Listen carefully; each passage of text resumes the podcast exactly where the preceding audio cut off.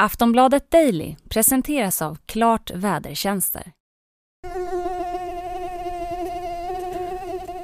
Visst vågar man säga att det finns trevligare ljud än det där? Sommarens gissel, myggen. Och faktum är att det kan bli en riktig myggsommar i år. Det kommer rapporter om att det är ovanligt mycket mygg på flera ställen och vissa arter har dykt upp extra tidigt och är riktigt på hugget. Men vad är det som avgör om det blir en myggsommar? Och vilka områden brukar drabbas extra hårt av de stickiga typerna?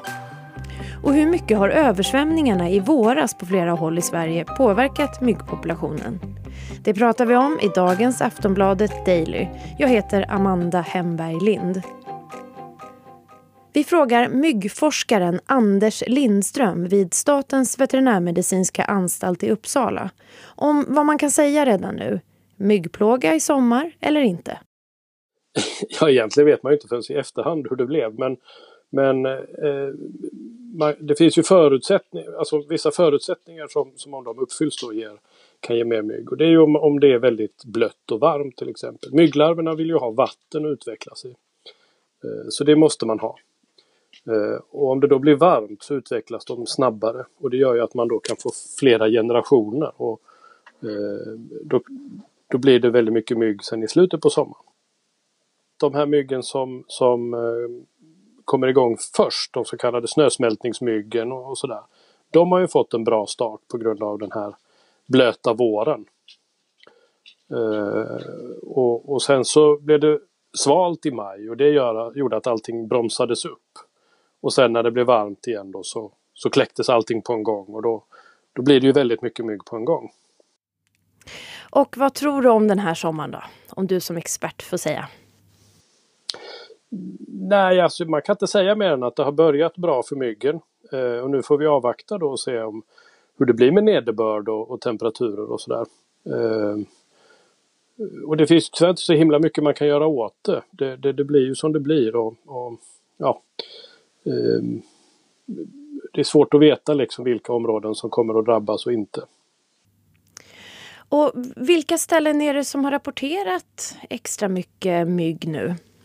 Ja, alltså det finns ju inga, inga inget rapportsystem sådär utan det, det, är ju mera anekdotiskt från media och sociala medier och sånt där. Men det verkar vara över ganska stora områden i, i Mellansverige och eh, i Norrlands inland och sådär. Men sen finns det ju andra områden där, där eh, som det har varit väldigt torrt och Öland till exempel har det inte regnat så mycket. Så där, där kanske det blir färre mygg då till exempel och så vidare. Men vilka områden brukar vara mest drabbade då?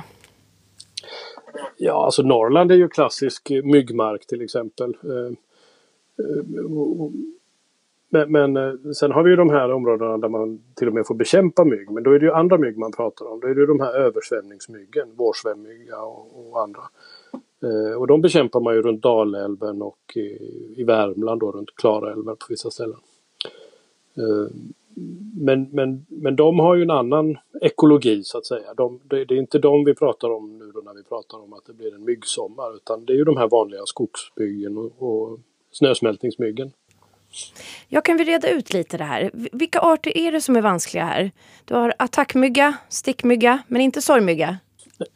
Nej, sorgmyggor är de här små som, som kläcks i blomkrukor inomhus. Som brukar irritera ganska mycket? Ja, de kan man också bli irriterad på, men de bits inte i alla fall. Eh, men alltså vi, om vi, vi har ju i Sverige kanske 2500 arter mygg. Av olika sorter. Gallmyggor och, och svampmyggor och sorgmyggor och fjärilsmyggor och allt vad det är. Eh, och ett 50-tal av dem är då de här stickmyggen. Och det är de som, som biter oss då. Eh, men det är inte ens så att alla, alla stickmyggor biter oss utan det, det är kanske 35 av de här 50 arterna som, som bits på oss då. De andra är mer intresserade av fågelblod eller eh, sådär. Det finns en art som bara går på grodor till exempel. Eh, så att, eh, ja, det är de här 35 arterna. De är, ofta hittar man dem i skog. Men det finns ju också då eh, arter som, som trivs i mera öppna områden och kan vara ganska besvärliga. Sen finns ju då ett, ett, ett litet gäng av de här som är de här översvämningsmyggen som räknas som översvämningsmygg. Det som skiljer dem då från från de här andra skogsmyggen och sådär, det är att de, de kan föröka, föröka sig flera gånger under sommaren. 2500 myggarter alltså i Sverige. Och 35 arter som biter oss människor. Inte så peppigt kanske, men någonting positivt måste det ändå vara med mygg. Vad det kan vara, det återkommer vi till. Men först, ett meddelande från vår sponsor. Midsommarfirandet står inför dörren och många av oss undrar såklart vad vi kan vänta oss för väder i helgen. Enligt Mikael Sjöstrand, meteorolog på Klart, kan det bli svårt att toppa förra årets värmebölja. Förra året var ju vädret på flera håll den varmaste midsommarafton vi hade på 50 år. Det var uppemot 25-30 grader. I år däremot så kommer man behöva hålla sig mer uppdaterad på prognosen och det kommer inte bli fullt lika varmt. I Klart-appen håller du enkelt koll på vädret hela sommaren. Du hittar den där appar finns. Vi är tillbaka. Är du ute i skogen kan det hända att du dyker på skogsmyggan. Den har lite svårt att bestämma sig och är en något mer beskedlig krabat. Men däremot attackmyggan, eller översvämningsmygg, den flyger aggressivt rakt på. Den kläcks ofta många på en gång när det blir väldigt regnigt. I maj så blev det översvämningar på många håll och det kan påverka hur myggsommaren kommer att te sig. Vi ska höra myggforskaren Anders Lindström igen. De här mygghonorna när de är ute och, och, och, och letar efter äggläggningsplatser, de, de, de, känner ju också lukten av vad det brukar vara vatten. Så då, de lägger ägg på alla ställen där det är möjligt att det ska stå vatten. Eh, om det då regnar mycket, då, då kommer ju alla de här ställena att bli vattenfyllda och då kläcks ju alla de här äggen. Om det regnar mindre så är det ju massa platser som inte blir vattenfyllda och de äggen kläcks inte då. Så att man kan, man kan ju tänka sig då att de, de allra flesta lagda äggen faktiskt har kläckts i år. Så att det har blivit väldigt mycket mygglarver. Som sen i sin tur då blir mygg. Myggbekämpning då? Hur funkar det egentligen och hjälper det ens? Ja, det, det hjälper. Eh, mot de här översvämningsmyggen verkar det ju fungera.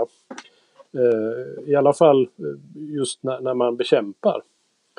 Eh, sen verkar det ju inte hjälpa så mycket på lång sikt. Man ser att år efter år då så, så brer de här myggorna ut sig ändå fastän man bekämpar.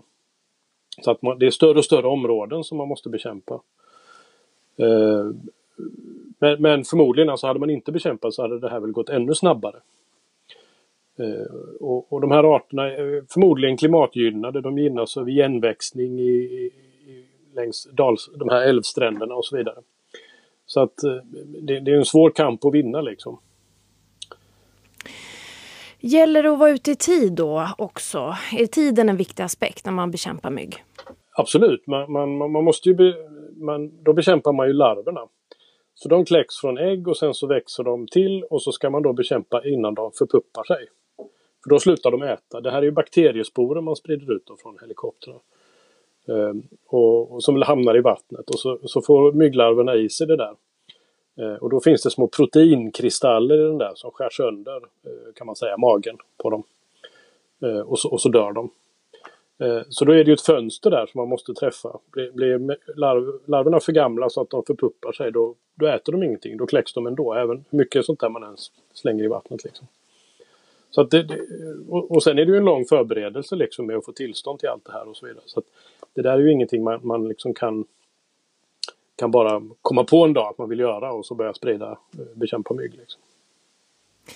Säg något som är positivt med myggor då? Som vi kan tänka på när man sitter ute med bara benen sommarkväll. Ja, jag vet inte. Det verkar som att det känns bättre för folk om, om, man, om, de, om djur liksom har, fyller någon funktion och sådär. Men det gör de ju inte. De är ju, de är ju väldigt bra på att vara mygg just. Att undgå att bli uppätna och sånt där. Men det är klart att, att av alla de här miljonerna mygg och miljarderna mygg som kläcks så, så är det klart att den, de blir ju mat åt en massa andra djur. Och andra insekter och i viss mån fåglar och fladdermöss och så vidare. Eh, så det är väl positivt. Eh, men, men, för enskilda personer som reagerar negativt sådär, alltså som får väldiga utslag och sådär så det är det väl tveksamt om man kan komma med några, några riktigt positiva eh, liksom, eh, egenskaper hos de här djuren. Jag måste ju fråga också, har du något supertips som expert eh, hur man kan skydda sig mot mygg? Nej, det finns tyvärr. Jag får ofta den frågan. Det finns inga hemliga knep tyvärr. Eh, jag hade gärna berättat. Men, men alltså myggmedel brukar funka ganska bra. Och, och är, det, är det riktigt illa så får man ju börja klä på sig liksom med långärmat och, och byxor med långa ben och, och, så vidare. Och i värsta fall kanske sådana här mygghattar eller, eller att man går inomhus. Sist här hörde vi myggforskaren Anders Lindström vid Statens veterinärmedicinska anstalt i Uppsala. Du har lyssnat på Aftonbladet Daily med mig, Amanda Hemberg Lind.